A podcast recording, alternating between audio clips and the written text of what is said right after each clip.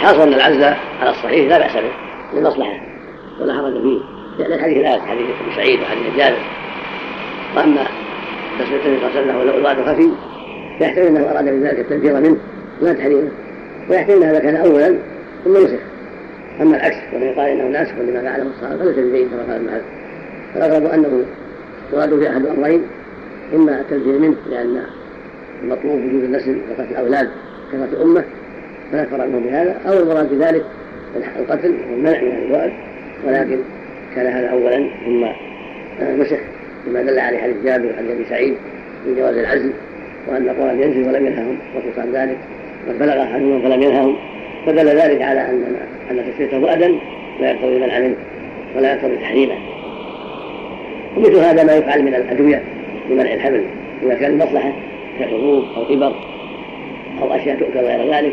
إذا كان المصلحة والحاجة مثل امرأة مريضة يضرها الحمل أو أو رحمها يضرها الحمل لأمراض عرضت له أو تريد هذا على هذا تحمل بسرعة ويضرها في التربية في البدن فلا مانع من تعاطيها على الحمل الذي يؤدي الحمل إلى سنة والراحة حتى تقوى على قوة الأولاد من حاجاتهم والإحسان إليهم فهذا لا بأس أما فلا مطلوبة يطلب منها أن في كثرتها وقوتها من هذا قول الصلاة تزوج من الرسول فإن المكاتبة يوم القيامة ومن الأنبياء يوم القيامة يقدم أولادهم من الله غير أما إذا كان لعلة معروفة في مرض المرأة أو مرض رحمها أو عجزها عن قيامها عليهم لكثرتهم وتتابع الحمل بسرعة هذا هو وجه في مدة يسيرة كمدة الرضاعة سنة وسنتين الحديث الخامس حديث أنس رضي الله عنه في طواف النبي صلى الله عليه وسلم على نساء بغسل واحد. وهذا من آيات الله ومما منح الله بنبيه قوه عليه الصلاة والسلام. قال بعض الصحابة كنا نحدد انه اعطى قوة ثلاثين أربعين رجلا. كان يطوف عليهم بغسل واحد؟ وهذا والله أعلم في ساعة يجوز فيها ان يعمهم أن يطوف عليهم بهذا الأمر. ويدل على جواز مثل هذا ان يتفق الرجل مع أهله مع نساء الأربع أن يطوف عليهم في ليلة أو في نهار ساعة من النهار. فليس فيها تحيف ولا ظلم لأنه عمهم جميعا في أي ساعة من ساعات النساء. فإذا كان عنده أربع وأراد أن يعمهم في رحوه أو في ليلة فلا بأس بذلك لهذا الحديث الصحيح. وقوله صلى الله عليه وسلم عمهم بغسل واحد يدل على انه لا بأس أن يكون غسل الجنابه عن عدة من الوطن للمراه نفسها أو لها ولي ضرائرها ويكتفي غسل واحد لكن تقدم في حديث سعيد أن السنة يكون ذلك بعد الوضوء عليه يغسل فرجه وبعد أن يتوضأ.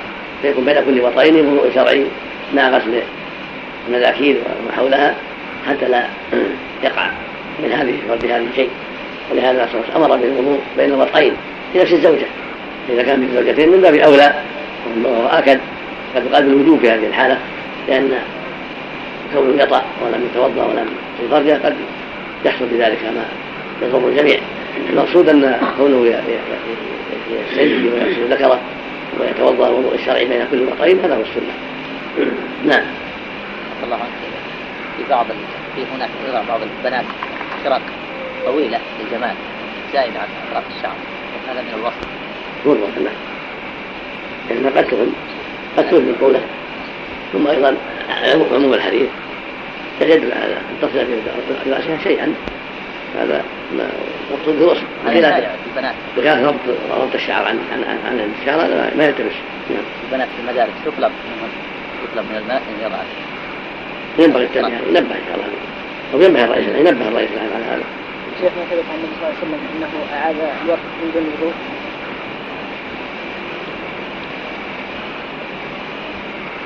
ما ما نعم هو ما إنما جاء في حديث أبي إسحاق عن عائشه إنه ربما نام ولم يمس ماء هذا عله جماعة والجماعة قالوا إن مرادها غسل غسل إما أنه توضا وطعام من دون اعاده ما أدري هذا إلا اننا قالوا إنه مستحب. مستحب. لكن ظاهر الأمر الوجوب ويتوضأ بين الوضوء معروف عند العلماء الاستحباب. لكن في حق المرأتين أشد. المرأتين مخصوص مساله غسل الذكر وما حوله فإن هذا قد يقال إنه متعين قد يكون في إحداها إحداهن شيء ينقله من الأخرى نعم. الرجل عفى الله عنك إذا وضع على رأسه شعرا مستعارا هذه كل هذه مسألة معروفة محرمة أنها محرمة في حق الرجال والنساء جميعا لأن الرسول صلى الله عليه وسلم أخبر بني إسرائيل هلك نساءهم بسبب هذا. قال علم نساءهم بسبب هذا. هذه معاوية في صحيح مسلم.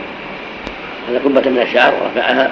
وجاء المدينة أين علماؤكم ثم هلك من إسرائيل في هذا ونهى عن وصف الشعر. نعم. وإذا كان وصف الشعر محرم فجعل قبة من الشعر وجعل رأس كامل من باب أولى التحريم والتلبيس والتزوير. نعم. نعم. ولو أصلع الحمد لله. شيخ مثلا لون الوصل مختلف يعني مثلا يتصل بأبيض ما في التباس. أو أحمر. الرسول صلى الله عليه وسلم لم يبين العلة قال نهى عن الوصل مطلقا. إنما العلماء قالوا تفصيل في هذا الشيء ولكن ولكن ظاهر العموم أو لا نعم. لأن بعضه يجر إلى بعض. نعم. شيخ والألوان. نعم. بالنسبة للأصباغ الموجودة الآن المحياج الصبغ سهل. إذا كان هو أسود خالص صبغت رأسها بغير الأسود الخالص لا بأس. تصبغ بالحنة لا بأس. لا وضع الوجه المكياج إذا كان ما يضر ما لأن هذا مثل الصابون ومثل أما إذا كان يضر إذا عرف أنه يضر الوجه في رقعة سود أو يؤذيه أو يضر يمنع. أما إذا كان مجرد جمال ثم يزول مثل ما تغسل بالصابون أو بغيره من الأشياء الأخرى نعم. إزالة شعر الحاجبين للنساء أو الرجال. لا يتعرض له لعن الحديث لعنة. النامصة والمتنامصة نعم قال العلماء النمس أخذ الحاجبين قال بعضهم أخذ شعر الوجه. نعم. اللغة فسروا بالحاجبين والوجه نعم. الغيلة الشهر الأخيرة من حمد نعم أقول الغيلة الشهر الأخير من حمد لا بأس لا بأس لا بأس لا بأس بالوضع مطلقا نعم نعم بسم الله الرحمن الرحيم نعم الحمد لله رب العالمين والصلاة والسلام على أشرف الأنبياء والمرسلين نعم هل يلحق بالوجه ما تضع على وجوههن الألوان لا مو هذا مو هذا يروح يغسل يروح الوجه يبقى دائما. لا بأس هذه حط الديره وما أشبهها لا بأس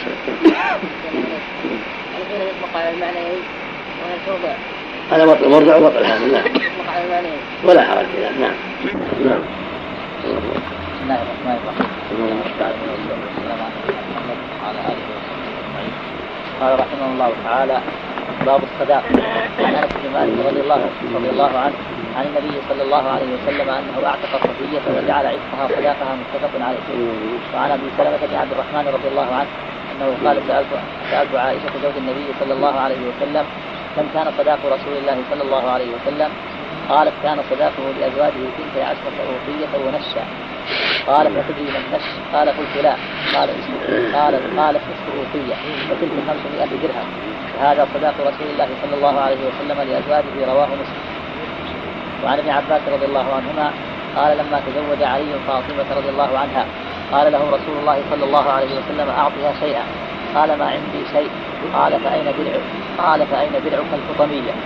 رواه أبو داود والنسائي وصححه الحاكم. عن عبد بن شعيب عن أبيه عن جده رضي الله عنه. قال قال رسول الله صلى الله عليه وسلم أي امرأة نكحت على صداق أو قباء أو عدة قبل عصمة النكاح فهو لها. وما كان بعد عصمة النكاح فهو لمن أعطيه وأحق ما أكرم الرجل عليه ابنته أو أخته رواه أحمد والأربعة إلا الترمذي. وعن علقمة عن ابن مسعود رضي الله عنه أنه سئل عن رجل تزوج امرأة ولم يسبق له ولم يسبق لها صداقة ولم يدخل بها حتى مات. فقال ابن مسعود لها مثل صداق نسائها لا وقت ولا شطط وعليها العدة ولها الميراث. فقام معقل بن سنان الأشجعي فقال قضى رسول الله صلى الله عليه وسلم في بروعة بنت واشر امرأة منا مثل ما قضيت. ففرح بها ابن مسعود. رواه أحمد والأربعة وصححه الترمذي وحسنه جماعة. بسم الله الرحمن الرحيم. اللهم صل وسلم على وعلى آله أما بعد هذا الباب الصداق. والصداق هو يدفع للمراه في مقابل استمتاع الرجل بها وقضاء وطنه منها وما يدفع ذلك. شرع الله جل وعلا أن يدفع على المرأة الصداق لما في ذلك من تسهيل النكاح وتيسير حصوله. ولما تبذله المرأة من نفسها للزوج من كونها فراشا له وما تبذله من خدمة وغير ذلك ومن من رحمة الله ومن إحسانه أن شرع أن يبذل لها شيء من المال ليتسنى تسهيل الزواج ولتقابل على ما تبذله من منافع وخدمة وتمكين من قضاء الوطر والتعاون على إيجاد النسل وتكثير الأمة. قال الله جل وعلا أن تبتغوا بأموالكم. قال وآتوهن صدقات نحلة فالمرأة تعطى المال. قد أجمع المسلمون على أنه لا بد من صداق فإن سمي وإلا وجب مهر مثل كما حديث مسعود الآتي. وليس المرأة هي التي تدفع بل الرجل الذي يدفع وبهذا يعلم أن ما قد يقع في بعض الدول الشعوب من عكس ما شرعه الله أنه من انحراف الفطر وفساد العادات. الصواب أنه لا بد كلف بالصداق هذا خلاف ما شرعه الله. وخلاف ما أجمع عليه المسلمون.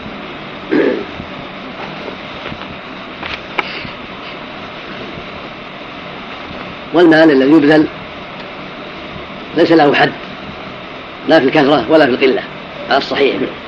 وذهب بعض إلى أن أقله عشرة دراهم ويأتي ما في هذا حديث علي وهو ضعيف. والصواب الذي عليه جمهور أهل العلم أنه لا حد له من جهة القلة كما أنه لا حد له من جهة الكثرة. كما قال تعالى وآتيتم إحداهن قنطارا والمال كثير لكن ما ينبغي للمؤمنين التنافس والتفاخر والاستكثار من هذه الأشياء لما فيها من تقليل النكاح والفساد للأمة. بل ينبغي للمؤمنين التعاون في تسهيل المهر وتيسيره وتقليل مؤونته حتى لا يتعطل الشباب من الرجال والنساء. فإذا تنافس الناس في المهور وفيما يدفع ذلك من الولائم صار في هذا فساد كبير. وتعطيل لهذا الأمر المشروع أو تقليل له. ولهذا يأتي في حديث عقبة خير الصدقة أيسره. وفي حديث عائشة الآتي ما يدل على أنهم كانوا لا ينافسون في هذا كان الصداق يعتنى فيه بالتسهيل والتيسير. ولما تنافس الناس وتوسعوا في هذا حصل به فساد كبير وتعطيل للنساء والرجال وتقليل للنكاح. فينبغي لأعيان الأمة من الأمراء والعلماء والأعيان أن يتساعدوا ويتعاونوا في تقليل هذا الأمر وتيسيره وألا ينافسوا فيه وأن يبدأوا بأنفسهم حتى يتأسى بهم في تخفيف المهور وتخفيف الولائم وتقليلها توسعة للناس وحثا لهم على الاستكثار من النكاح وعدم تعطيل الشباب والفتيات. وهذا أمر محسوس واقع كل ما ارتفعت المهور في جهة من الجهات وفي قبيلة من القبائل أو في بلد من البلدان تعطل شبابها وتعطل نساؤها وكلما تيسرت الأمور في قبيلة أو في بلد كثر فيها النكاح وكثرت فيها عصمة الفروج والبعد عن أسباب الفواحش. في حديث الحديث الأول حديث أنس رضي الله عنه أن النبي صلى الله عليه وسلم أعتق صفية وجعل عتقها صداقها هذا يدل على أنه لا بأس أن يتزوج الرجل الشريف والعظيم الجارية المملوكة يعتقها ويعتقها صداقة. ولا غضب في هذا سواء كانت عجمية أو عربية. وهذه عجمية صفية من بني إسرائيل والمعروف أنها من سبط هارون عليه الصلاة والسلام كانت عند ابن أبي حقيق ثم لما قتل فتح الله خيبر صفها النبي صلى الله عليه وسلم بنفسه. المقصود أن أن عتق المرأة المملوكة وجعل عتقها صداقة أمر معلوم وأنه لا حرج فيه لكونه فعله النبي صلى الله عليه وسلم. وهذا هو الذي قاله جمهور أهل العلم وهو الصواب أن هذا أمر لا بأس به. أن يعتقها سواء كانت ملكا له بالوراثة أو بالسبي أو بالشراء أو بأي نوع من أنواع التملك الشرعي. لا بأس أن يعتقها ويجعل عتقها صداقها سواء كانت عجمية أو عربية سوداء الخلقة أو بيضاء الخلقة أو على أي شكل كانت لا حرج في ذلك. وفي هذا مصالح. فإنها قد تكون حسنة أخلاق حسنة الصورة تعفه وتغنيه عن عن غيرها فبقاؤها زوجة خير لها وله من بقائها مملوكة قد تستدل و ولا يحصل بها الاستمتاع الكامل. والحديث الثاني حديث أبي سلمة بن عبد الرحمن بن عوف الزهري احد الأئمة والثقات عن عائشة رضي الله عنها أنها أخبرته عن مهر عن صداقة أزواج النبي صلى الله عليه وسلم وانه 500 درهم. عشر أوقية ونشأ وهو نصف الوقية والوقية أربعون درهما. فصار جميع المهر خمسمائة درهم. هذا يدل على التخفيف والتيسير. النبي صلى الله عليه وسلم ما كان يبالغ في المهور ولا يتكلف بل يرضى بالقليل في دفعه لأزواجه. وقد جاء في بعض الروايات أنه كان مهر بناته أربعمائة أقل من ذلك. المقصود أن هذا يدل على التخفيف والتيسير وأن الأولى في المهور عدم التكلف وعدم المغالاة. هذا هو المشروع. ولا مانع من تدخل ولاة الأمور إذا اقتضت المصلحة ذلك لمنع الناس من المنافسات والتكلف الزائد الذي يضر بالمجتمع قد يفضي إلى ارتكاب الفواحش وفساد المجتمع.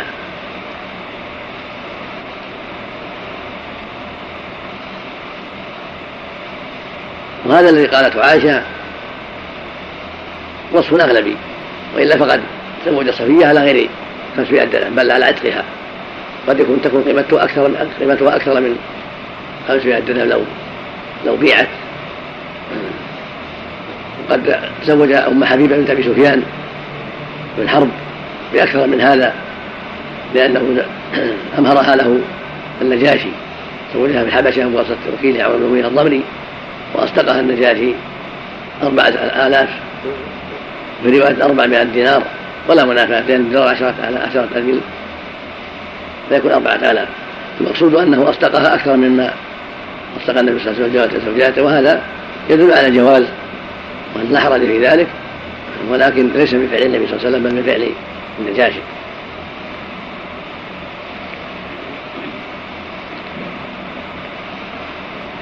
والحديث الثاني حديث علي في قصة زواجه فاطمة قال أعطيها شيئا. هذا يدل على أن النكاح يكون فيه مهر ولو قليل؟ ويأتيكم في سهل يلتمس ولو خاتم من حديد. والخاتم من حديد قد لا يساوي درهم أو درهمين. فدل ذلك على أن يعطيها مالا ولو قليلا.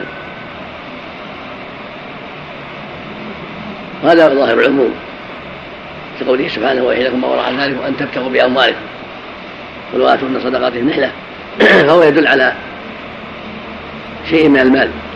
سواء كان قليلا أو كثيرا. والمنافع تقوم مقام المال عند أهل العلم. منافع تقوم مقام لأنها مال في الحقيقة. فلو أصدقها أن يعلمها كذا وكذا من القرآن صح كما يأتي إن شاء الله. أو أصدقها أن يعلمها صنعة من الصناعات كصناعة السلاح صناعة الأواني صناعة الساعات إلى غير ذلك. وفي هذا أن الرسول صلى الله عليه وسلم قال لعلي أعطيها شيئا. قال ما عندي شيء قال فإن درعك الحطمية والدرع معروف ما يلبس في الحرب يقي لابسه السلاح. والحطمية بالضم فتح الطاء نسبة إلى بني حطمة من محارب. قال لهم حطمة. وبنو الحطمة وليس في النصوص التي وقفنا عليها ما يدل على أنه سلمها لها الدرع أو سلم لها كذا وكذا لكن المقصود أنه يدل على أنه يؤمر بالمال لا بد من المال.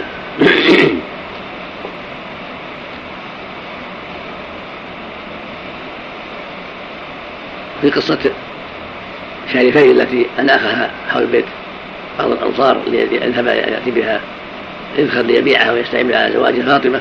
ما يدل على أن هناك شيء من المال وشيء يبذل. والحديث لا بأس بإسناده. والمعنى كما تقدم أمر مجمع عليه في وجوب المهر ولو قليلا.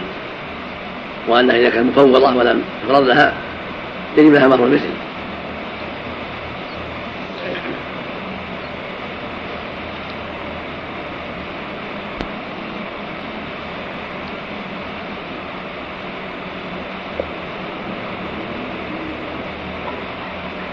والحديث الرابع وكذلك إذا طلقها ولم يفرض لها صداق متعت كما نص عليه كتاب الله عز وجل. فالحاصل أنه لا بد من مال ولو قليل اما مسمى أو مهر مثل إذا مات ولم يفرض لها مهرا أو تم العقد ولم يفرض لها مهرا فرض لها مهر مثل فإن طلقها ولم يدخل بها صلها متعة وهو ما تيسر من المال من جارية أو متاع آخر من لباس أو نقود والحديث الرابع حديث عمرو بن شعيب عن ابي عن جده. مرفوعة أن امرأة نكحت على يجوز نكحت تزوجت ويجوز نكحت هي من حيث المعنى تفتح النون والضم إلا أن تأتي الرواية في أحدهما. صار صداق أو حباء أو عدة. فما كان قبل عصمة النكاح فهو لها. وكان بعد عصمة النكاح فهو لمن يعطيها وأحق ما أكرم على امرأة وأخته حديث رواه أحمد وأبو داود النسائي وابن ماجه كما قال المؤلف. قد رواه أحمد وأبو داود من طريق جيدة. عن ابن جريج عن عمرو لكن لم لم يصرح ابن جريج بالسماع وهو مدلس بل قال عن عن عمرو. في رواية أحمد قال أحمد قال قال عمرو ولكن رواه النسائي فصرح بالسماع. ابن جريج قال حدثني عمرو بن شعيب بسند جيد. ما زال ما يظن من التدريس ويعلم بهذا أن قول الشارع أنه ضعيف ليس بجيد. صوابه أنه لا بأس بإسناده لأن ابن جريج صرح بالسماع. فزال ما يحذر من التدليس. وهو دليل على أن ما يكون من المال باسم الولي. أو باسم فلان أو فلان في النكاح فهو للمرأة يجب أن يكون لها لأنه استحل به فرجها إذا كان هذا قبل أسمة النكاح وليس لهم يأخذون فإذا تزوجها على أن لها كذا ولأبيها كذا ولأخيها كذا ولأمها كذا فالمال كله لها إلا أن تسمح بذلك. أما كان ما كان بعد عصمة النكاح بأن تم الزواج تم العقد ثم أعطى أباها أو أخاها أو أعطى أمها أو غير ذلك فلا بأس. هذه هدية منه. ولا بأس بذلك من أعطاه. وبين النبي صلى الله عليه وسلم حق أكرمها ابنته وأخته إذا كان من كرامة لا بد من كرامة فحقهم بهذا الآباء والإخوة. لما يقومون به من كلفة وعناية بالزواج والإنفاق فيه غالبا فهم أولى من يكرم ويساعد لما قد يحصل لهم من الكلفة في الزواج.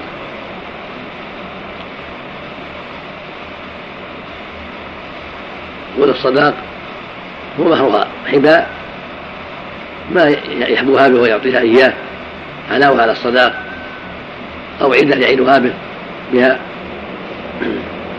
قد قال صلى الله عليه وسلم إن حق الشرع يقضى به فاستحللتم بالفروج رواه الشيخان. من حديث عقبة بن عامر قال عليه الصلاة والسلام المسلمون على شروطهم فالعمر مقاطع الحقوق من الشروط فما شرط لها فهو لها وما شرط لغيرها بعد النكاح أو وهب له بعد النكاح فذلك لصاحبه هذا هو أحسن ما قيل وأولى ما قيل وأصح ما قيل في هذا الحديث وحديث مع عن مسعود في قصة المفوضة التي نكحت على غير مسمى. ثم مات الزوج. فإن ابن مسعود قضى فيها بأن لها مهر نسائها.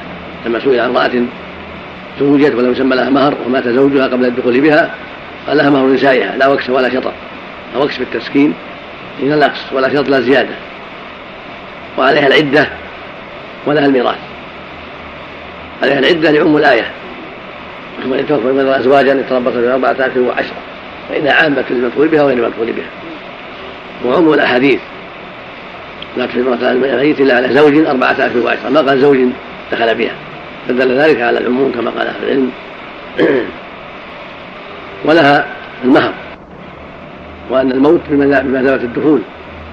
الذي مات عنها كانه دخل بها فلها المهر كاملا. ولعل السر في ذلك والله أعلم.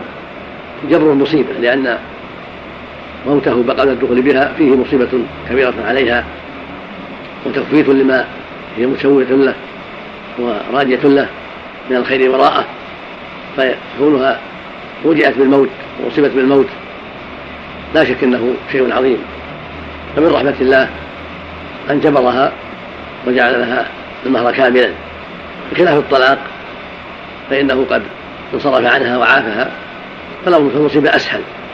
فجعل لها النصف فقط والنصف له.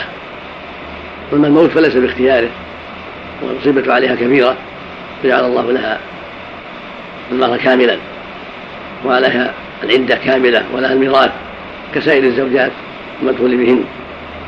هكذا قضى ابن مسعود اجتهادا منه. فروى معك سنان الشيعي له ان النبي النبي قضى بمثل هذا القضاء. فرح ابن مسعود بذلك حيث وافق قضاؤه السنة. ولا شك إن هذا ما يفرح به والحاكم أو المفتي يجتهد ويتحرى ثم يجد السنة موافقة لما أفتى به أو قضى به. لا شك إن المؤمن يفرح بذلك ويحمد الله الذي وفقه للصواب. حديث معقل لا بأس بإسناده. واختلاف الرواة في معقل بن سنان أو معقل بن يسار أو من أشياء لا يضر الحديث. الصحابي لا يضر اختلاف عينه ولا تضر جهالته. فالحديث حجة قائمة على أن المرأة التي مات عنها زوجها قبل الدخول بها ولم يحرض لها صداقا أنها تعطى مهر نسائها وأن عليها العدة ولها الميراث عملا بهذا الحديث الصحيح وعملا بما رآه عبد الله رضي الله عنه فوافق السنة. والعمدة في هذا السنة وتأيد ذلك باجتهاد هذا العالم الكبير. وهو فيه جبر. لما قد يتوهم بعض الناس من الضعف في الرواية عند اختلاف ألفاظ الحديث في شأن الصحابي فإن هذا عند أهل التحقيق وعند أهل العلم بالأصول لا يضر الحديث شيئا. نعم. والله أعلم. زم إذا قال الناس في المهور يتواقع على هذا هل تدخل ولي الأمر؟ الذي يظهر له له تدخل في هذا. قد درس ما العلماء في منذ عهد القريب الموضوع من جميع جوانبه ورأوا أن له تدخل في هذا بأن يلزم بشيء معلوم ليس فيه إلحاف وليس فيه ما يضر المرأة وسطا بحيث يحصل المقصود من دون من دون مضرة.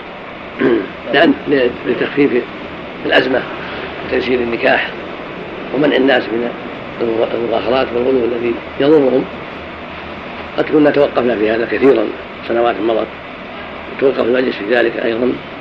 ثم رأى أن هذا لا مانع إن شاء الله من باب منع الناس من مما حرم الله من المنافسات التي لا وجه لها والمؤخرات التي لا وجه لها.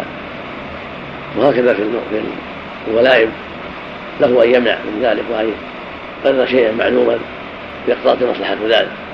وراى الناس لم لم يرتدعوا إلا بهذا. يعني عفى الله كلمه من القواعد من القواعد العامة من قواعد الشريعة. من باب المصالح العامة نعم. حل المصالح العامة ودفع الضرر. ما في. شيء ما فيها تحديد لا. ما فيها تحديد نعم. ظاهرة المنع. نعم. قواعد قواعد الشريعة العامة. عمر رضي الله عنه أراد المنع ذلك وأفتى بهذا. والناس يسمعونه ولم ينكروا عليه سوى ما جاء في بعض الروايات من إنكار المرأة. نعم. وفي صحة الرواية نظر في إنكار المرأة. ولكن سكوت الصحابة وعدم إنكارهم على عمر إما يحتج به في المقام. نعم. يعني إذا اقتضت إذا اقتضت المصلحة ذلك. نعم. قواعد قواعد الشريعة العامة. نعم نعم. من باب الأمر معروف والنهي المنكر ورعاية المصالح العامة ودفع الضرر العام. نعم. مثل ما يلزمون إذا احتكروا الأموال سهلوا في هذا يعني يبيعوا بالسعر المناسب نعم نعم. نعم. الله عنك. التحديد له أثر عملي. نعم. أقول يظهر له أثر التحديد عملي. يظهر له أثر بالنسبة إلى من قد يستحي ويرى أن ما ما يستطيع أن يتساهل. فإذا رأى التحديد من ولاة الأمور نشط في الزواج والرضا بالقليل نعم؟ ولا قد يتواطؤون في الباطن. هذا هو الغالب. قد يتواطؤون قد يتواطؤون بأشياء زائدة. نعم؟ نعم. نعم. الناس اليوم ان يأخذوا تكاليف الحفل والوليمه من موقع الزوجه، هل يصح ذلك؟ نعم. اعتاد كثير من الناس اليوم أن يأخذوا تكاليف الوليمة من مهر الزوجه. هل يصح ذلك؟ هل يصح ذلك للولي؟ ام هي على الولي؟ اللي يظهر له من مهر الزوجه هم هم هم ملزم الولي إذا اخذ من ما لا لما لكن لا يتكلف بس يكون معتاد الذي لا لا يخالف الشرع. إما من الزوجة ولا من الزوج والزوج يتبرع بذلك والولي يتبرع بذلك إذا ما تبرع هذا ولا هذا يكون من المال. نعم نعم. هو والله هذا عرف. شرط العرف كالمطلي نعم إذا قبيلة معينة على نعم. قبيلة معينة. كذلك لا بأس به. قد أفتى حياته ولا بذلك. كتبنا على هذا كتابات عدة في قبائل كثيرة. اصطلحوا على أشياء فأمضت أمضت الهيئة اصطلاحهم لأن فيه خيرا للجميع. نعم نعم. إذا وعدها قبل العقد وقد حدد المهر وعدها مثلا ببيت أو بشيء. ثم بعد العقد هل يلزمها أن يؤدي هذا العقد؟ على ظاهر الحديث. إلا أن تسمح. نعم. أو عيدة. نعم. نعم. إذا أعطاها مثلا شيء قبل العقد ولم يذكر يعني بأنه مهر فهل يرجع به في الفسخ يعني إذا حصلت المخالعة. الغان يرجع لأنه إياها إلا من أجل النكاح من أجل ترغيبها في النكاح. سواء فسخ هو هو أو أهل الزوج المقصود هل دعت الحاجة إذا يرد عليه المهر إلا أن يسمح. مثل ما في حديث ثابت أقبل الحديقة وطلقها فطلق نعم. لها الوالد ما ولا لا؟ الوالد له ياخذ مال أولاده. صداق وغير الصداق ما لا يضرها ولا يضر اولادها الآخرين. له أن يأخذ. أنت ومالك لأبيك. إذا اخذنا أولادكم من كسبكم. ونعطي اولادكم من كسبكم إن أولادكم من كسبكم. نعم. هذا خاص بالأب. نعم. بسم الله الرحمن الرحيم. بسم الله الرحمن الرحيم. الحمد لله رب العالمين والصلاة والسلام على نبينا محمد وعلى آله وصحبه أجمعين. قال رحمه الله تعالى وعن جابر بن عبد الله رضي الله عنهما أن النبي صلى الله عليه وسلم قال من أعطى في صداق امرأة سويقا أو تمرا فقد استحل. أخرجه أبو داود وأشار إلى ترجيح وقته. وعن عبد الله بن عامر بن ربيعة. في أرض السلام. نعم. من في أرض السلام. وأن بأرض السلام يستبعد هذا الشيء. كأنهم غير معروف كأنهم كفار أو جهلة ما يعرفون السلام ولم يعتادوه. وعن عبد الله بن عامر بن ربيعة عن أبيه رضي الله عنه أن النبي صلى الله عليه وسلم أجاز نكاح امرأة على نعلين قدر الترمذي وصححه وخلف في ذلك. وعن سهل بن سعد رضي الله عنهما قال زوج النبي صلى الله عليه وسلم رجلا امرأة بخاتم من حديد أخرجه الحاكم وهو طرف من الحديث الطويل المتقدم في أوائل النكاح. وعن علي رضي الله عنه قال لا يكون المهر أقل من عشرة دراهم. أخرجه الدار موقوفا وفي سنده مقال. وعن عقبة بن عامر رضي الله عنه قال قال رسول الله صلى الله عليه وسلم خير الصداق أيسره أخرجه أبو داود وصححه الحاكم. وعن عائشة رضي الله عنها أن عمرة بنت الجون تعودت من رسول الله صلى الله عليه وسلم حين أدخلت عليه تعني لما تزوجها فقال لقد عدت بمعاد فطلقها وأمر أسامة فمتعها بثلاثة أبواب بثلاثة أثواب أخرجه ابن ماجه وفي إسناده راو متروك وأصل القصة صحيح من حديث أبي أسيد الساعدي. بسم الله الرحمن الرحيم اللهم صل وسلم على رسول الله وعلى آله وأصحابه من اهتدى بكم أما بعد هذه الأحاديث الستة التي قبلها كلها تتعلق بالمهر. تقدم أن المهر على الصحيح الذي عليه جمهور أهل العلم لا يتحدد من جهة القلة كما لا يتحدد من جهة الكثرة اجماعا. كما دفع فيه أجزاء مما يتمول وينتفع به. قليل أو كثير إذا تراضي عليه. والمؤلف رحمه الله ذكر هذه النصوص ليدل على هذا الأصل ويبين هذا الأصل ويشير إلى الخلاف في أقله. حديث جابر رضي الله عنه يدل على أن المهر يجوز يكون طعاما يعني حديث من أعطى صدقة سويقا أو تمرا فقد استحل وإن كان الصحيح وقفة وفيه وفيه مقال أيضا مع الوقف. لكن الأصل هو هذا الأصل أن من تراضى مع المرأة على قليل أو كثير من طعام أو نقود أو ملابس أو منافع لها قيمة فإن النكاح صحيح. وما وافق الأصول وإن كان فيه ضعف استشهدوا به كذلك حديث عبد الله بن عامر بن ربيعة النبي صلى الله عليه وسلم نكاح امرأته النعلين رواه الترمذي وصححه وخلف في ذلك. الترمذي رحمه الله رواه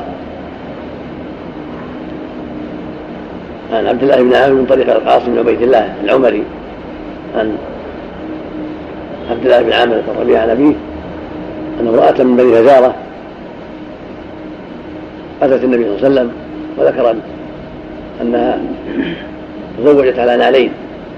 لها رضي من نفسك ومالك بنعلين قال نعم. قال فأجازه.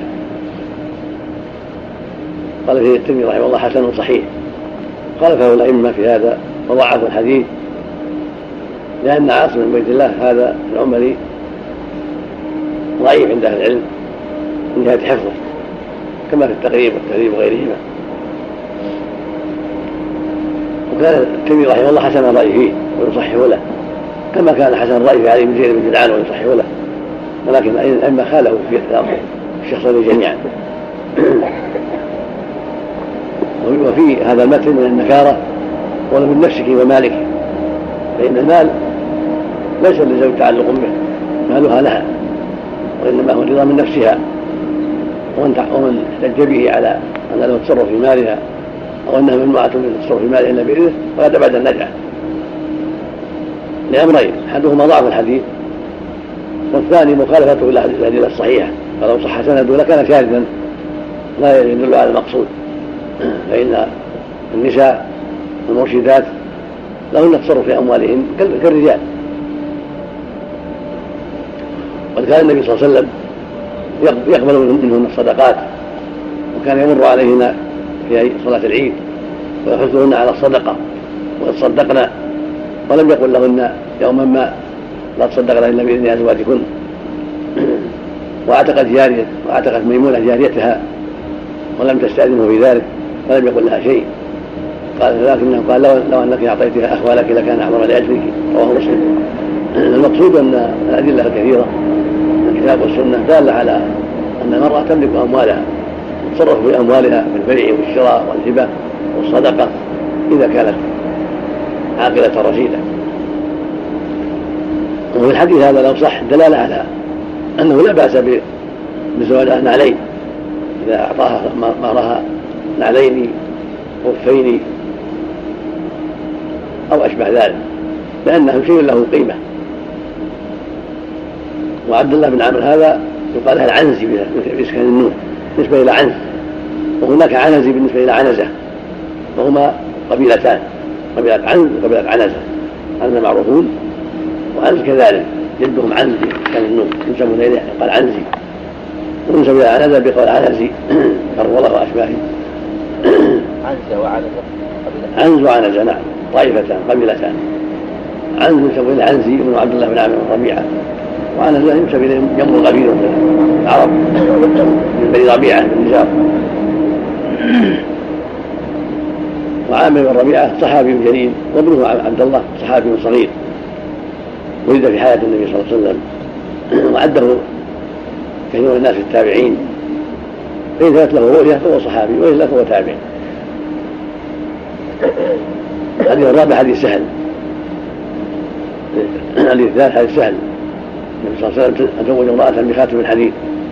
هذا طرف من حديث سهل بن سعد المعروف الطويل في الصحيحين حيث قال رجل يلتمس ولو خاتم من حديد معنى زوجني أراد تزويجه؟ ولكن لم يتم ذلك على الخاتم وإنما تم على تعليم القرآن.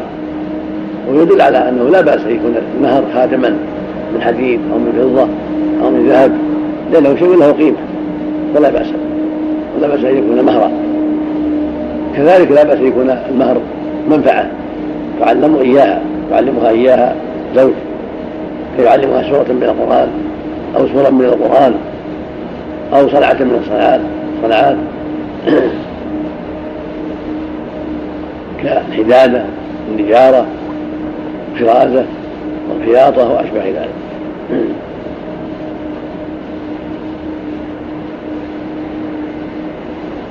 كذلك حديث علي لا يكون معه أقل من عشرة دراهم وحديث ضعيف عند أهل العلم وتعلق بالحنفية وهو ضعيف لا يعول عليه ولا تقوم بحجة لا موقوف ولا مرفوع ولم يثبت عليه على لا موقوف ولا مرفوع ولهذا الصواب الذي عليه أهل العلم أنه لا حد لأقل كما تقدم في الأحاديث.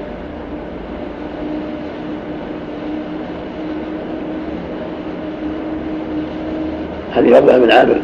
قال صلى الله عليه وسلم خير الصداق ايسره هذا يدل على أن الصداق كل ما كان أيسر هو افضل وانفع وروى عن عائشة رضي الله عنها أن النبي صلى الله عليه وسلم قال إن أعظم النساء بركة أيسرهن مهرا المقصود أن من بركه النكاح وبركه المرأة أن تكون ميسرة في مهرها وكلفها والتكلف قد يفضي إلى حزازات في النفوس. وبغضاء في القلوب. كل ما كان الصداق أيسر والخلف أقل كانت النفوس أطيب كان العاقبه أحسن وأبرك. والحديث الخامس حديث السادس حديث عائشة في عمرة بنت جون. النبي صلى الله عليه وسلم زوجها فلما قالت أعوذ بالله منك طلقها قال الحقي باهلك وهذه الروايه التي فيها أنه أمتعها ضعيفة ولكن الأصل هو هذا فإن السنة أو الواجب تمتيع من لم يسمى لها مهر قول الله جل وعلا يا أيها الذين آمنوا اذا ثم طلقتموهن من قبل أن تمسوهن. فما لكم عليهن عده تعتدون فمتعوهن جل وعلا وللمطلقات متاع بالمعروف.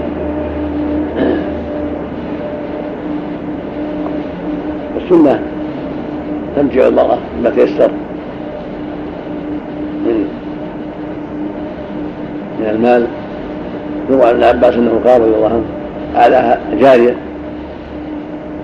وأدلاها النقود أو الكسوه فإذا متعها بشيء من المال كان ذلك هو المشروع. وقد خاف العلماء في ذلك هل ذلك واجب أو مستحب؟ وظاهر الادله الوجوب لمن لم يسمى لها مهر. لأنها تعوض عن ما عما لم يسمى لها ببعض الشيء جبرا لمصيبتها وإحسانا إليها فيجب عليها بين فوات المال وبين فوات النكاح. بل متى فات النكاح تعوض شيئا من المال مما يسر الله للزوج من غير تحديد. أما المطلقة التي لها قد مهرا فإعطاؤها مستحب أو واجب على الخلاف لعموم قول تعالى وللمطلقات متاع بالمعروف لكن ما لم يسمى لها شيء تمتيعها آكد وأظهر في الوجوب والاصل في البخاري. والحديث الخامس حديث السادس حديث عائشة في عمرة بنت جون النبي صلى الله عليه وسلم زوجها فلما قالت أعوذ بالله منك طلقها قال الحقي بأهلك وهذه الرواية التي فيها أنه أمتعها ضعيفة ولكن الأصل هو هذا فإن السنة أو الواجب تمتيع من لم يسمى لها مهر قول الله جل وعلا يا أيها الذين آمنوا ثم طلقتموهن من قبل أن تمسوهن فما لكم عليهن عدة تعتدون فمتعوهن. قال جل وعلا وللمطلقات متاع بالمعروف.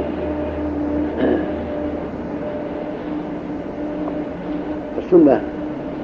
تمتع المرأة بما تيسر. من من المال. يروى عن ابن عباس إنه قال رضي الله عنه أعلاها جارية. وأدلاها النقود أو الكسوة. فإذا متعها بشيء من المال كان ذلك هو المشروع. وقد اختلف العلماء في ذلك هل ذلك واجب أو مستحب؟ وظاهر الأدلة الوجوب لم يسمى لها مهر لأنها تعوض عن ما عما لم يسمى لها بعض الشيء جبرا لمصيبتها وإحسانا إليها فلا يجمع عليها بين فوات المال وبين فوات النكاح. بل متى فات النكاح تعوض شيئا من المال مما يسر الله للزوج من غير تحديد. أما المطلقة التي لها قد مهرا فإعطاؤها مستحب أو واجب على الخلاف لعموم قول تعالى وللمطلقات متاع بالمعروف. لكن ما لم يسمى لها شيء تمتيعها آكد وأظهر في الوجوب والأصل في البخاري حديث عمرو خالد في البخاري. أنها لما هديت إليه قال أعوذ بالله منك. قال لقد عدت بمعنى الحق بأهلك. رواه البخاري في الصحيح. يقال إنها خدعت من بعض النساء جاء بعض الروايات أن بعض أزواج النبي صلى الله عليه وسلم قال لها أنك لا تحضرين عنده حتى تقولي هذا. وأردنا بهذا ألا تبقى عنده وأن يفارقها. جاء في الحديث الصحيح من استعاذ بالله فأعيدوه. كان من مكارم أخلاقه صلى الله عليه وسلم أن تركها لما عاد بعظيم وألحقها بأهلها. وهذا المقام مقام تفصيل فإن التعوذ بالله من الشخص أو من العمل الذي يراد بالشخص محل تفصيل عند أهل العلم. فإن كان حقا عليه لازما له لم يسمح عنه ولم يعذ لأنه يتعوذ بالله من حق عليه. والله, والله جل وعلا يأذن في هذا. فإذا كان يتعود أن يقام عليه قصاص يقول أعوذ بالله أن تقيموا علي القصاص أو أن تقيموا علي الحدود أو أن تقبضوا أو تقبضوا مني حق فلان هذا كلام لا يجاب إليه لأن الله أوجب أخذ الحقوق وإقامة القصاص والحدود. فلا يلتفت إليه في هذا.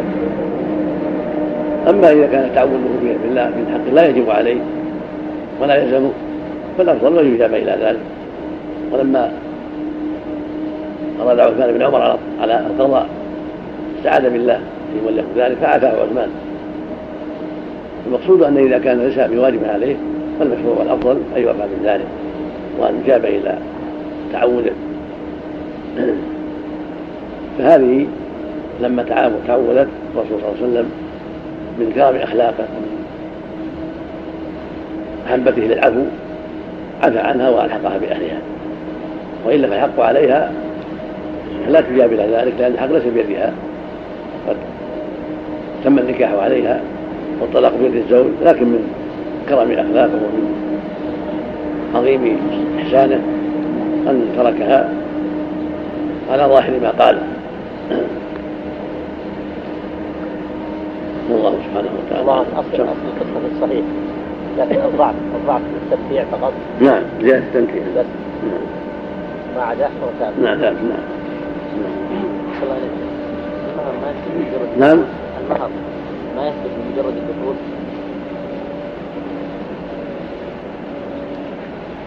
إذا دخل عليها ثبت المهر مهر المثل إذا طلقها من غير مسيس.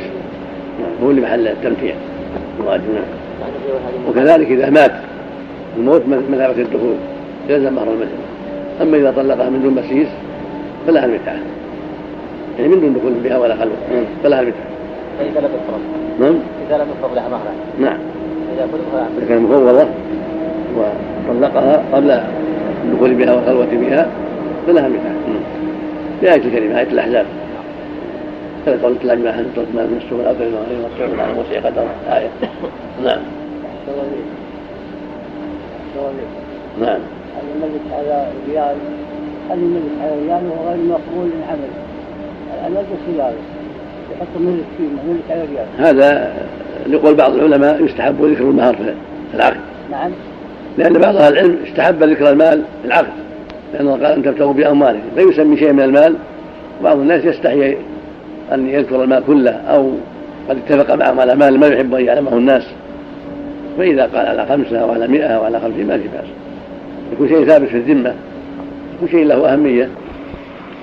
الله كان الأولون يحطون ريال وريالين لأن مهورهم قليلة.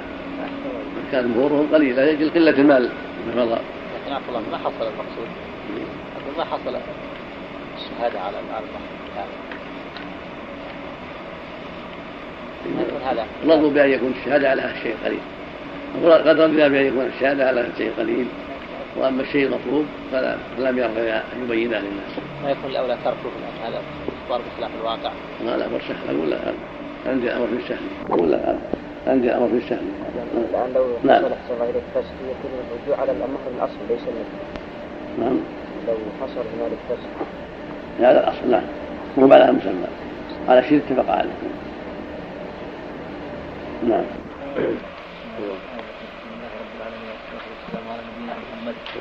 وعلى آله وصحبه أجمعين قال رحمه الله تعالى باب الوليمة. عن أنس بن مالك رضي الله عنه أن النبي صلى الله عليه وسلم رأى على عبد الرحمن بن عوف أثر السطره فقال ما هذا؟ قال يا رسول الله إني تزوجت امرأة على وزن نواة من ذهب. قال بارك الله لك أولم ولو بشاء متفق عليه واللفظ لمسلم. وعن ابن عمر رضي الله عنهما قال قال رسول الله صلى الله عليه وسلم إذا دعي أحدكم إلى وليمة فليأتها متفق عليه ولمسلم إذا دعا إذا دعا أحدكم أخاه فليجب عرسا كان أو نحوه. وعن أبي هريرة رضي الله عنه قال قال رسول الله صلى الله عليه وسلم شر الطعام طعام الوليمة يمنعها من يأتيها ويدعى إليها من يأباها ومن لم يجب الدعوة فقد عصى الله ورسوله. أخرجه مسلم. وعنه رضي الله عنه قال قال رسول الله صلى الله عليه وسلم إذا دعي أحدكم إذا دعي أحدكم فليجب فإن كان صائما فليصلي وإن كان مفطرا فليطعم. أخرجه مسلم أيضا وله من حديث جابر نحوه وقال إن شاء طعم وإن شاء ترك. وعن ابن مسعود رضي الله عنه قال قال رسول الله صلى الله عليه وسلم طعام أول يوم حق وطعام يوم الثاني سنة وطعام يوم الثالث سمعة ومن سمع سمع الله به رواه الترمذي واستغربه ورجاله رجال الصحيح وله شاهد عن أنس عند ابن ماجه. بسم الله اللهم صل وسلم على رسول الله وعلى اله وصحبه أما بعد هذا الباب في وليمه والوليمه ما يصنع للعرس ونحوه من الولم وهو الجمع كأنها سميت بذلك أنها تجمع الناس أو لأنها تجمع تجمع انواعا من الطعام والأظهر الأول سميت وليمه لأنها تسبب تنشأ عن قصد جمع الناس من اقارب أو جيران أو سفار أو غيرهم. وقد يكون لهذا وهذا لأن قد تجمع صنف من الطعام تجمع صنف من الناس. وهي سنة مؤكدة ولها قوم وذهب قوم إلى وجوبها في العرس. لأن الرسول صلى الله عليه وسلم لم يدعها بما تيسر من الطعام. وليس في ذلك حد محدود. والمقصود هنا بيان ما يجب وما يشرع بالنسبة إلى المسلمين مع صانع الوليمة والداعي إليها. فالوليمة لا شك فالوليمة بلا شك سنة مؤكدة أو واجبة والنبي أولي في حديث أبي عبد الرحمن بن عوف. ولكن لا يتعين فيها اللحم بل ما تيسر من لحم أو خبز وإدام. أو حيس كما في وليمة صفية بنت حيي ما تيسر من طعام يسمى وليمة. والقول بوجوبها قول قوي واللي في حديث عبد الرحمن أولم ولأن الرسول ما تركها وهو الأسوة عليه الصلاة والسلام. في هذا الحديث حديث عبد الرحمن بن عوف أن النبي أرى عليها صفرة فقال ما هي؟ تزوجت امرأة. قال على ماذا قال؟ على وليمة من ذهب قال بارك الله لكم من ولو مشاه هذا يدل على شرعية الوليمة وأن وجود اللحم فيها مشروع مع التيسر ولو بشاه ولو ولو يفيد أنه إذا تيسر أكثر من ذلك كشاتين أو أكثر من غير إسراف ولا مباهاة ولا مفاخرة بل لقصد إكرام الإخوان والأحباب والجيران والأقارب هو أمر مطلوب وهذا أصل الوليمة. أصل الوليمة لإكرام الإخوان والأحباب والأقارب والوافدين من الضيوف ليس القصد منها مفاخرة ولا مباهاة ولا إسرافا ولا تبذيرا وإنما المقصود منها هي إظهار السرور بما حصل من الزواج وشكر الله على ما يسر سبحانه وتعالى وإكرام الإخوان شكرا لله على هذه النعمة. وهكذا في الولائم الأخرى وليمة العقيقة وليمة الخروج من السفر إلى غير ذلك من الولائم التي يصنعها الناس لمناسبات النعم المتجددة. فالمقصود منها شكر الله عز وجل ومع ذلك إكرام الأقارب أو الأحباب أو الجيران أو مجموع الجميع أو الضيوف. فإذا كان فيها لحم كان ذلك أكمل وأقل ذلك شاه أو نم ولو بشاه. وإذا لم يتيسر ذلك فلا ينبغي التكلف. فيولم بما تيسر من الخبز والإذاب المناسب من التمر والسمن والأقط كما في قصة صفية رضي الله عنها لما أولم عليها عليه الصلاة والسلام. ليس فيها لحم إنما تمر وسمن وأقط لما بنى عليها في طريقه بين مكة وخيبر بين المدينة وخيبر. وفي حديث عبد الرحمن هذا دلالة على أن ما يصيب الزوج من آثار الصفرة أو الزعفران في الزواج أمر لا لا يضر ولا يكره ولا بأس عليه فيه وليس داخلا في تزعفر المنهي عنه فإن ذاك هو المقصود أن يتزعفر كما يتزعفر النساء. نهى عنه النبي صلى الله عليه وسلم لا يتشبه الرجال بالنساء. أما ما قد يعتري عند اتصاله بأهله أو نومه فراش أهله أو ما يحصل من ملابسة المرأة عند اتصاله بها من ما فيها من زعفران أو ما أشبه هذا مما يوحى عنه. ولهذا لم يقل له النبي شيئا عليه الصلاة والسلام وإنما استنكر ذلك. قال زوجت امرأة. بين أسباب ذلك.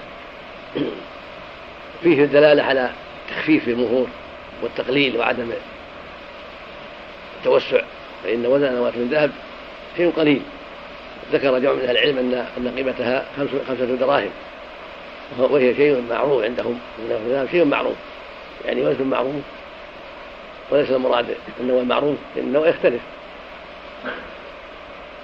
وقيل أن المراد به النوى هذا على سبيل التسامح وأن الشيء قليل والنواوي اختلف فتفاوته ليس بالكبير. والحاصل من هذا كله أن شيء معروف عندهم قليل من الذهب قدمه عبد الرحمن مهرا للمرأة من الأنصار. رواية أخرى من الأنصار فدل ذلك على التسامح وعدم التكلف في المهور.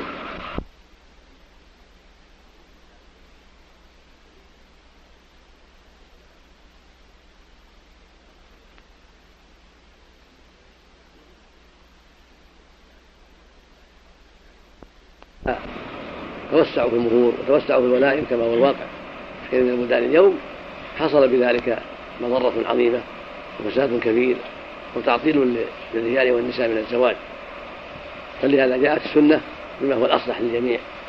ولهذا تقدم خير الصدقة أيسره وتقدم أن مهور النساء لم تزد على خمسمائة وهكذا بناته لم تزد على ذلك بل كانت في الغالب أربعمائة. المقصود أن التسامح في المهور وفي الولائم هو السنة التي لا ريب فيها. وأنه لا ينبغي للناس التكلف في هذا الأمر ولا المفاخرة فيه والمنافسة. لأن ذلك يضر الجميع يضر رجالهم ونساءهم. والحديث الثاني حديث من عمر أحدكم إلى الوليمة فليأتي فليجب متفق عليه. والآخر عرسا كان أو نحوه عند مسلم. هذا يدل على أن الدعوة مطلوبة ولا ينبغي المؤمن يتأخر عنها سواء كانت الوليمة عرسا أو كانت ولائم أخرى.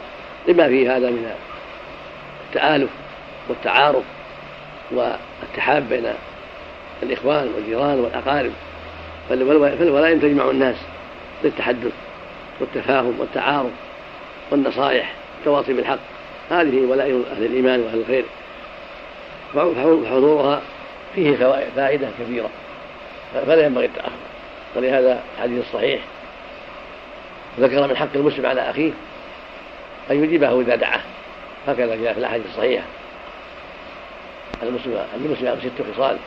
في الأرض خمس خصال ذكر منها أن يجيبه إذا دعاه. هذه من الحقوق الإسلامية بين الإخوان. وحديث وقوله صلى الله عليه وسلم فليجب ظهره الوجوب. ويؤكد هذا فمن لم يجدها فقد عصى الله ورسوله. هذا يدل على وجوب الإجابة. وأنها ليست مستحبة فقط بل واجبة. لأن فيها من الفوائد والوسائل إلى الخير الكثير ما يجعلها واجبة.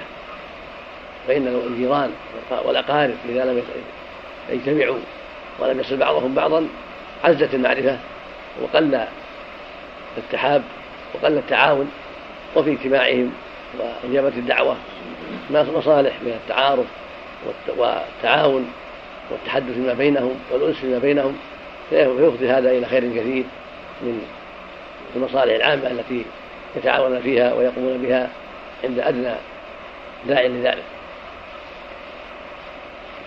ومن خصها بولد العرس فليس معه دليل فيما يظهر لأن الولائم هي الطعام للسرور فهو يعم العرس وغير العرس فلا فلا وجه للتخصيص. والنبي قال من يجيب الدعوة فقد عصى الله ما قال من دعوة العرس من وجه العرس بل أطلق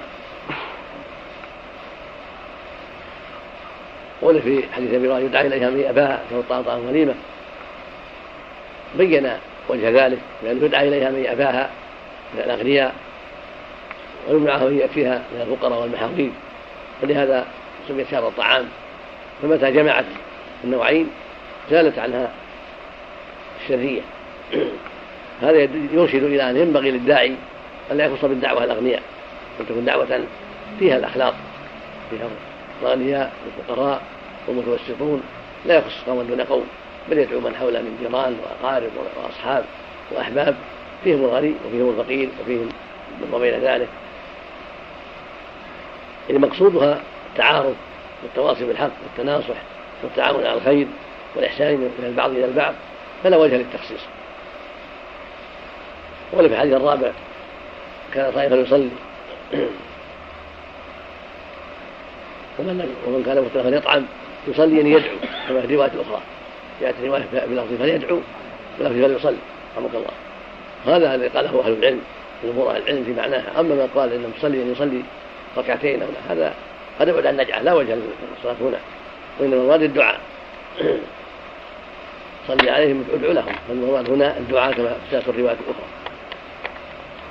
يقول جزاكم الله خيرا اكرمكم الله أنعم الله عليهم يكلمهم بالكلمات المناسبة لهم التي اعتادها الناس في الولائم كل أهل بلد بما يعتادون ويعرفون شكرا لهم على دعوتهم ثم يستأذن ويقول إنه صائم.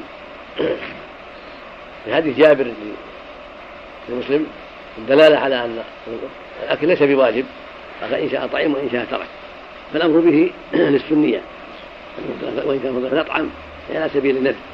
وإن أحب أن يعتذر فلا يطعم فلا بأس لأن قد يكون قد أكل قريبا قد يكون الطعام ما يناسبه قد يكون له أسباب أخرى تمنع من الأكل فلا حرج عليه أن يعتذر ولا يطعم إذا أجاب الدعوة.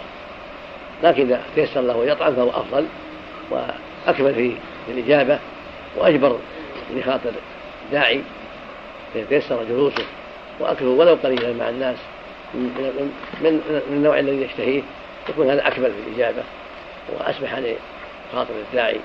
هذا هو الأفضل ولهذا جاء في الروايه روايه فليطعم. روايه جابر فإن شاء طعم وإن شاء ترك وهذا من تيسير الله ومن رحمته سبحانه وتعالى. أما حديث مسعود فيدل على أن طعام الغنيمه اول يوم حق يعني متأكد. وهذا ما يقول يقول من قال إن الوليمة واجبة. كما تقدم يقول أولم. والثاني سنة مستحب وليس بمتأكد. والثالث سمعة ومن سمع سمع الله به. لكن الحديث هذا فيه نظر فيه نظر. قال التلميذ استغربه التلميذ لما رواه استغربه. قال لا نعرفه إلا من طريق زياد بن عبد الله وهو كثير الغرائب والمناكير. حكى عن كعب عن وكيع أنه كذبه. وقال حافظ التقريب لم يثبت عن وكيع تكذيبه. والرجل معروف وهو راوي السيرة عن ابن إسحاق.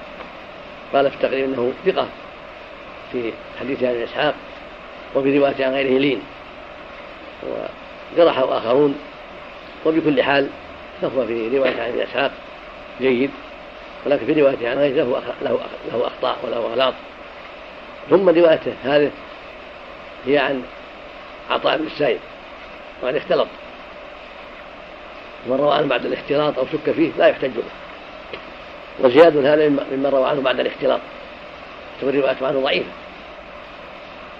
فبهذا يستغرب قول المؤلف ورجال الرجال الصحيح. فإن ظاهر هذه الكلمة من المؤلف تعقيب على كلام الترمذي وظاهرها أنه جيد أن الحديث جيد. فإن كان رجال الرجال الصحيح فهو جيد. وقد بين في الفتح أن سنده ليس بذاك ضعيف من أجل رواية زياد عن عطاء بعد الاختلاط. فيكون في كلمة هذه هنا في البلوغ تسامح وعدم تدقيق في الموضوع فيغفر الله له. كذلك ولو شاهد عند ابن ماجه حديث ابن ماجه أيضا فيه تسامح هذا الشاهد ضعيف وليس من عادة المؤلف التسامح في هذا. هذا من الهفوات التي تقع للمؤلفين. وإن كانوا عظاما وكبارا. نعم. فإن هذا السند رواه ابن ماجه من طريق أبي مالك النخعي. قال في التقريب متروك. قال بعضهم أجمعوا على ضعفه. فكيف يسكت عنه؟ نعم. الحاصل أنه شاهد ضعيف. وذكر الشارع أشار الشارع وذكر صاحب التحفه والحافظ الفتح شواهد أخرى لكنها كلها ضعيفة. وبهذا يعلم أن الحديث هذا ضعيف. وفي الارتقاء إلى الحسن بتلك الشواهد نظر. ومما يقوي ضعفه أن البخاري رحمه الله أشار إلى ذلك. لما ذكر الوليمة قال ومن أولم سبعا ونحوه. فهي إشارة إلى ان روايه مسعود هذه ليست محفوظة. سبعا. ونحوه سبعة أيام يعني. وذكر الشارح أن ابن أن ابن أبي شيبة رواها روى عن حفصة بنت سيرين أن أباها لما تزوج دعا الصحابة وأولم سبعة أيام. يعني وزعهم. قد راجعت ابن أبي شيبة فلم روايه حفصه بنت سيرين ولعل المراجع ما ارتفع نظره عن هذا الباب ما وجد باب الوليمه في النكاح. فلعل بعضكم يلتمس روايه حفصه الصحابي ابن أبي شيبة. نعم؟ لأن الشارع عزاها لابن أبي شيبة. قد تكون بالمصنف قد تكون بغير المصنف المقصود أن أن هذا الحديث في صحة نظر وتدعو الحاجة إلى التوزيع. يكون المدعوون كثيرين. قد يكون الوقت لا يناسب جمعهم في يوم واحد إما لضيق المكان وإما لأسباب أخرى فيوزعهم على ثلاثة أيام أو أربعة أيام فتدعو الحاجة إلى هذا كما جرى في رواية حصل بن سيرين.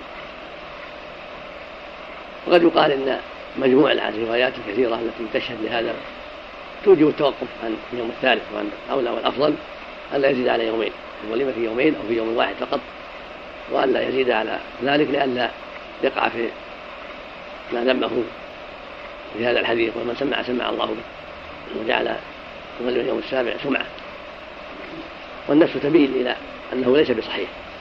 وأقرب والله أعلم أنه ليس بصحيح وأن هذه الأسانيد ضعيفه لا تقويه ولا تجعله في قسم المقبول هذا هو الأظهر والأقرب. والله أعلم. نعم. إذا كانت الأعراس هذه فيها المنكرات. ذكر العلماء أعذارا لعدم الإجابة ذكر الشارع منها في السبل. من دقيق العيد عدة أعذار بعضها مسلم وبعضها غير مسلم. لكن على كل حال بعضها مسلم إذا كان فيها منكرات فهو عذر. إلا إذا كان يستطيع إنكارها ويزيلها وجب عليه الحضور وإزالة المنكر. أما إذا كان لا يستطيع مثل فيها خمر فيها آلات الملاهي مثل فيها إظهار البدع. إظهار البدع فيها أو التدخين ولا يستطيع إنكاره فهو عذر. نعم. المنكر إذا كان فيها منكر ظاهر لا يستطيع إنكاره. نعم. نعم.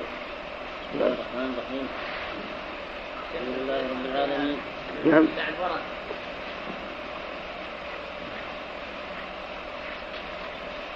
هو من المنكر. لأن اللعب هذا منكر من آلات الملاهي هم من المنكرات ما يظهر إذا كان فاشل ظاهرا فيها يلعبون وهم متبعون فالله لا إذا كان ما يستطيع إنكار ذلك. ينبغي يكون عنده عند المدعو عند المؤمن همة همة عالية عنده قوة. لا يحقن نفسه عن إنكار ما يراه منكر حتى ينفع الله به في حضوره. فإذا لم يستجيبوا أنكره الخروج نعم. ابن إسحاق ابن إسحاق. نعم مدلس. نعم إذا صرح بالسماع زال تدليس. نعم. هذه هذه رواية الصحيحين ويأتي في الدعاء. المتزوج بارك الله لك وعليك وجمع بينهما في خير هذا ثابت أيضا من حديث أبي هريرة. نعم. بارك الله لك وعليك وجمع بينكما في خير نعم. نعم. في البلوغ عندنا نعم. يقول في حديث ابن مسعود. نعم. يقول رواه أحمد وأبو داود عن قتادة عن الحسن عن عبد الله بن عثمان الثقفي عن رجل من ثقيف يقال إن له معروفا وأثنى عليه. قال قتادة إن لم يكن زهير بن عثمان فلا أدري ما اسمه. قال قال رسول الله صلى الله عليه وسلم. الحديث. قال البغوي لا زهير بن عثمان غير هذا الحديث.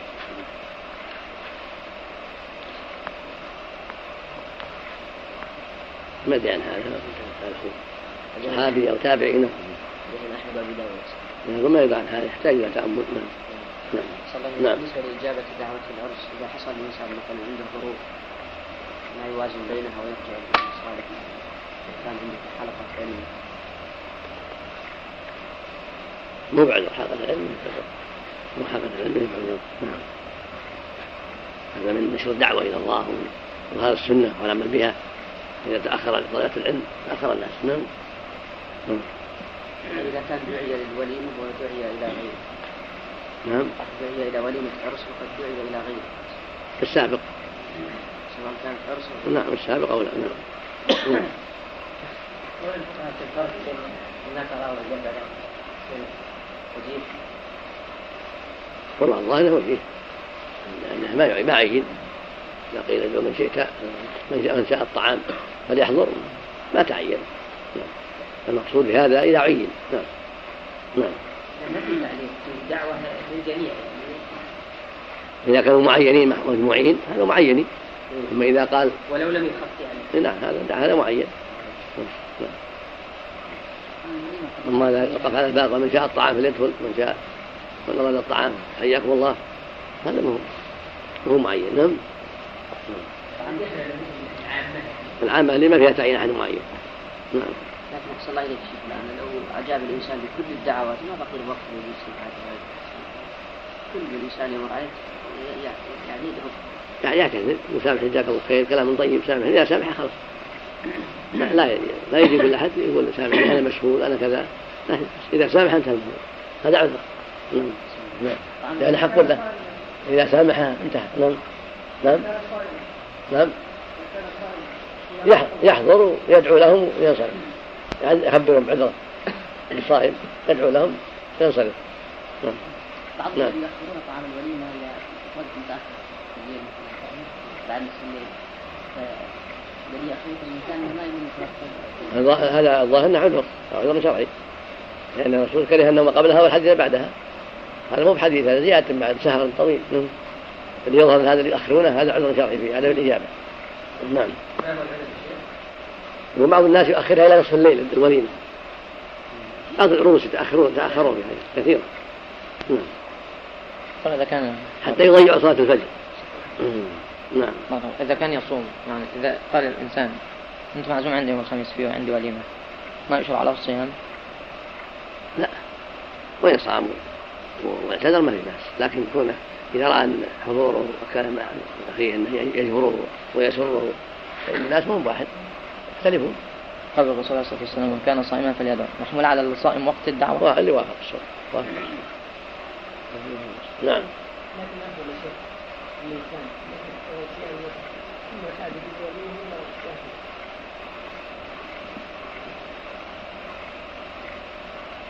الله أعلم الله أعلم. لكن الأقرب عندي والله أعلم يختلف اختلاف الناس.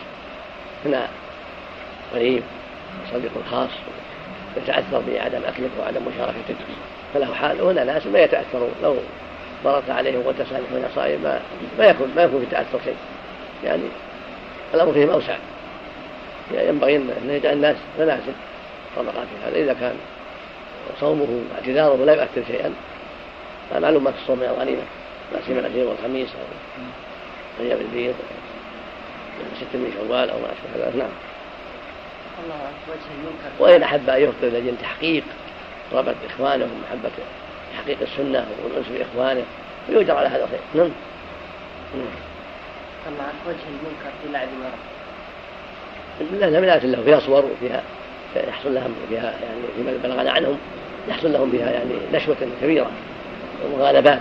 فيها نعم إذا لم يكن فيها صور ولا عليها يعني. إذا ما تلهي لا لا أوراق هكذا عادية ما فيها شيء.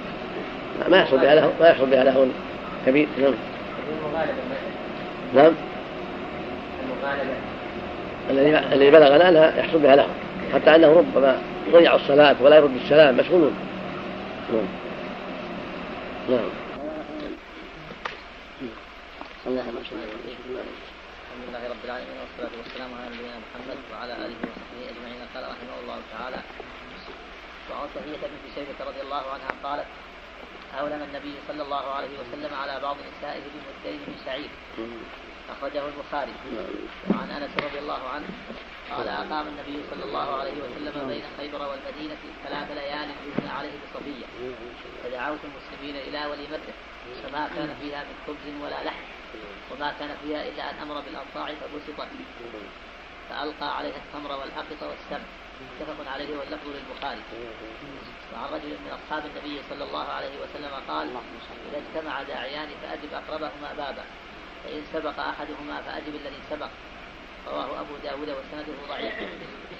وعن أبي جحيفة رضي الله عنه قال قال رسول الله صلى الله عليه وسلم لا آكل متكئا رواه البخاري. وعن عمر بن أبي سلمة رضي الله عنه قال قال لي رسول الله صلى الله عليه وسلم يا غلام سم الله وكل بيمينك وكل مما يليك. متفق عليه. وعن ابن عباس. بسم الله الرحمن الرحيم. اللهم صل وسلم على رسول الله وعلى أما بعد فهذه الأحاديث كلها لها تعلق بالوليمه أبو صفية بن شيبه الحجبية رضي الله عنها النبي أولم على بعض نسائه بمدين من شعير. لم تبين هذه هذه هذا البعض من النساء. قال بعضهم انه أم سلمة وقيل غير ذلك. وقال بعضهم إن المراد بعض نسائه من غير زوجاته كبنت فاطمة أو غيرها من البنات وبكل حال الحديث يدل على أنه صلى الله عليه وسلم ما كان يتكلف بالوليمة بل يصنع ما تيسر تارة لحم خبز تارة طعام من الشعير تارة الحيس السمن والتمر والعقد فلا يتكلف. وهكذا ينبغي لأهل الإيمان ألا يتكلفوا. قل ما أسألكم عن المجد وما أنا من المتكلفين. التكلف يفضي إلى الضرر وتعطيل المصالح الكثيرة كما تقدم. فالذي ينبغي لأهل الإيمان؟ تأسي بالرسول صلى الله عليه وسلم. صبية كما يأتي. وكذلك الصحابة رضي الله عنهم لا يتكلفون في ولائمهم وكان صلى الله عليه وسلم في زواجه لنسائه. لم يقل له التكلف وأكثر ما جاء في زواجه بزينب بن جحش. صنع للناس خبزا ولحما ودعا الناس فأكلوا وشبعوا يدخل قوم ويخرج قوم. وهذا وهذا صادف يسرا فحصل حصل من ذلك ما ينفع الجميع. فينبغي للمؤمن أن يلاحظ اليسر وحاجة المدعوين أو ما يناسب المدعوين فيضع لهم ما يناسبهم ويكفيهم عند عند تيسر ذلك وإذا لم يتيسر صنع ما يستطيع من تمر وسمن من تمر واقط من تمر وسمن واقط من خبز شعير من خبز بر من غير ذلك ما يتيسر. وصفية هذه قيل صحابية وقال بعضهم تابعية. فإن كانت تابعية فهو مرسل وإن كانت صحابية فمتصل. وبكل حال فالحديث وإن صار وإن كان مرسلا فالأدلة غيره كثيرة. وهو شاهد من الشواهد في عدم التكلف والحديث الثاني حديث أنس في قصه صفية وانه بنى عليها في طريق بين مكة بين مدينة وخيبر فاصطفاها من سبايا خيبر وكانت من أجمل النساء ومن أعقل النساء رضي الله عنها وأرضاها. فأقام عليها ثلاثا وما كان للناس طعام سوى السمن والأقط والتمر. وسط الأنطاع كما قال أنس ووضعوا فيها التمر والسمن ودعا الناس إلى هذا. كانت هذه هي وليمته عليه الصلاة والسلام. فدل ذلك على أنه لا ينبغي التكلف فلم يأمر بذبح إبل ولا بذبح غنم ولم يتكلف في هذا عليه بل بل يسر في هذا. والمقصود من هذا كله التسهيل على الأمة وبيان أنه ينبغي لها عدم التكلف. ولو شاء لأمر بنحر إبل أو ذبح غنم أو غير ذلك لكنه صلى الله عليه وسلم تسامح في هذا ليتسامح الناس ولييسروا أمر الولائم ولا يتكلفوا ولا ينقلوا هذا عنه. هي الأمة حتى يقتدوا به بالتيسير والتسهيل عليه الصلاة والسلام. وهو سيد الخلق وإمام المتقين وأشرف المرسلين. ومع هذا سمح لنفسه ولزوجه بأن يكون بأن تكون الوليمة. هذا الشيء الذي ليس فيه كلفة. وهو مع ذلك شيء طيب ولذيذ ومأمون العاقبة. هذا كله مما يدل على أنه ينبغي للمؤمن ألا يتكلف وأن يصنع تارة ما يناسب للمدعوين من لحم وخبز ونحو ذلك. وتارة يتسامح ويصنع ما ليس فيه تكلف لمدعوين. فيكون متمشيا مع السنة الثابتة عن رسول الله عليه الصلاة والسلام. وبهذا يحصل للناس الخير العظيم ويحصل للناس النكاح بيسر وسهولة ويحصل بذلك إحصان الخروج من الرجال والنساء. أما مع التكلف والمغالاة فيتعب الزوج ويقل وتقل النتيجة الصالحة ويتعطل الشباب والفتيات بسبب التكلفات التي يكرهها الله ولا يرضاها والحديث الثالث حديث رجل من أصحاب النبي صلى الله عليه وسلم لم يسمى. المؤلف ذكره هنا موقوفا. وكأنه نسي رحمه الله عند كتابته إياه فلم يذكر رفعه. أو غلط بعض النساخ فترك الرفع. والحديث مرفوع إلى النبي صلى الله عليه وسلم فإنه في أبي داود أن النبي صلى الله عليه وسلم قال إذا اجتمع داعيان. صريح في رفع النبي عليه الصلاة والسلام. إذا اجتمع داعيان فاجبر أقربهما بابا فإن أقربهما بابا وأقربهما جوارا. فإن سبق أحدهما فأجب الذي سبق. هكذا رواه أبو رحمه الله. وسنده ضعيف عند أبي داود لأنه من رواية أبي خالد الدالاني يزيد بن عبد الرحمن المعروف وثقه جماعة وضعفه بعضهم وهو مدلس أيضا وتراه بالعنعنة. ولهذا قال المؤلف إن سنده ضعيف. وأن استغرب الشارح ذلك ثم ذكر بعد ذلك ما يدل على عدم الاستغراب وأن العلة هي وجود في الطريق. ولكنه ليس ذا ضعف شديد فإن أبا خالد وثقه جماعة وهو سيء الحفظ قد عنعن وله شاهد عند البخاري من حديث عائشة رضي الله عنها أنها قالت يا رسول الله إن إن لي جارين فإلى أيهما أهدي؟ قال إلى أقربها أقربها أقربهما منك بابا هذا يدل على تقوية هذا الحديث وأن الأقرب بابا هو الأولى بالإجابة من البعيد عند التساوي. فإذا سبق أحدهما فالأولى تقديم السابق وإن كان بعيدا. وفيه أن العبرة في القرب من الجوار الباب لا جدران. فلو كان جاران أحدهما أقرب جدارا والثاني أقرب بابا فالأولى من هو أقرب بابا. لا من هو أقرب جدارا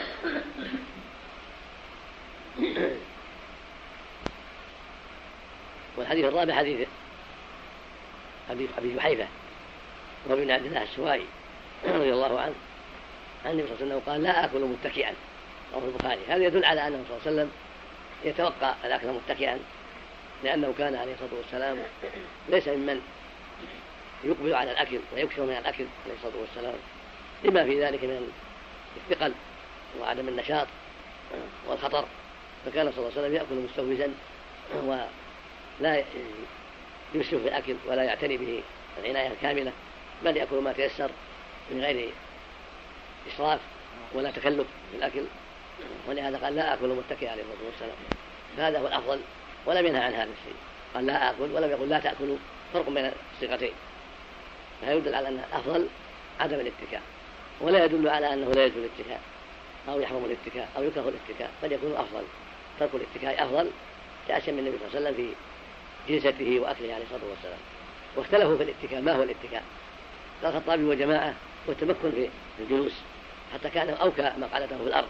وتفكر واستوى واعتمد على الأرض اعتمادا كليا كالمتربع في هذا.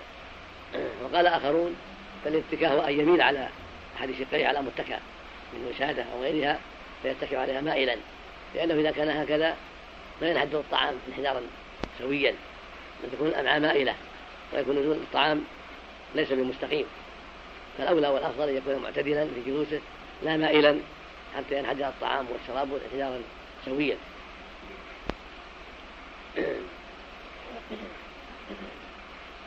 وهذا هو المشهور عند الناس الاتكاء هو أن يميل على أحد الجانبين ويعتمد على شيء. أما الجلوس متربعا متمكنا من الأرض ففي تسميته اتكاء نظر.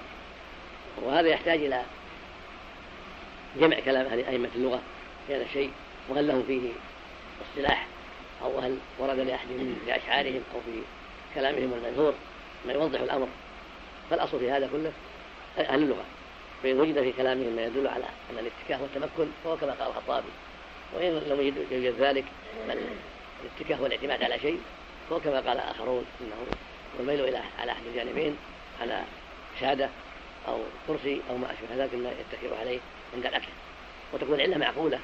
لأنه إذا اتكى هكذا أو هكذا ينزل الطعام غير معتدل. أو قد يقال في هذا أن إذا كان بها المثابة ليس بممال للطعام وليس بمهتم وليس بمعطيه الإقبال الكلي الذي قد يحصل به السلامة من قد يخشى منه. فإن ينبغي الآكل أن ينظر ويتأمل فيأكل حاجته ويأكل به بصيرة حتى لا يضر نفسه. أو يقع في لقمته شيء يؤذيه أو ما أشبه ذلك. فيكون أكله على بصيرة وعلى عناية حتى لا يضر نفسه بالإسراف؟ أو يضر نفسه بشيء لا يقتل له لا يقتل له ولا يعيه عند الأكل. ويظهر من حال المتكي قلة المبالاة أو قلة العناية في أكله والله أعلم. والحمد لله أن الأمر في هذا واسع. لأن صلى الله عليه وسلم ينهى عن هذا. وإنما قال لا أكل متكئا فينبغي المؤمن أن يكون في حالة غير يعني مائلة وغير متمكنة التمكن الكلي الذي يجعله يسرف في الأكل أو يزيد زيادة قد تضره الحديث الرابع الخامس حديث عمر بن أبي سلمة وهو ربيب النبي صلى الله عليه وسلم. عمر بن أبي سلمة بن عبد الأسد عبد الله بن عبد الأسد المخزومي أحد السابقين رضي الله عنه وأرضاه. وقد عاش في حج النبي صلى الله عليه وسلم ومات النبي صلى الله عليه وسلم وهو كبير يعقل وحفظ عن النبي الحديث عليه الصلاة والسلام ومن هذا الحديث النبي صلى الله عليه وسلم قال له يا غلام سم الله. وكل بيمينك وكل مما يليك كانت إكلاته قبل ذلك تطيش يده بالصحفة فأخذ النبي صلى الله عليه وسلم بيده وقال سم الله وكل بيمينك وكل مما يليك هذه الآداب الشرعية في الأكل. وكان النبي صلى الله عليه وسلم يعلم الناس شؤون دينهم وشؤون آدابهم الشرعية في أكلهم ولباسهم وغير ذلك. ولهذا قال في اللباس إذا تفضلتم ما لبستم فابدأوا باليمين. قال إن على أحدكم إذا انتهى أحدكم فليبدأ باليمين قد علم الناس الآداب الشرعية في مآكلهم ومشاربهم ولباسهم ونومهم ويقظتهم وغير ذلك عليه الصلاة والسلام. فأتاهم بالآداب العظيمة النافعة في الدين والدنيا. ومن هذا في الأكل أن يأكل يمينا لا باليسار وظاهر النصوص التحريم وأن الواجب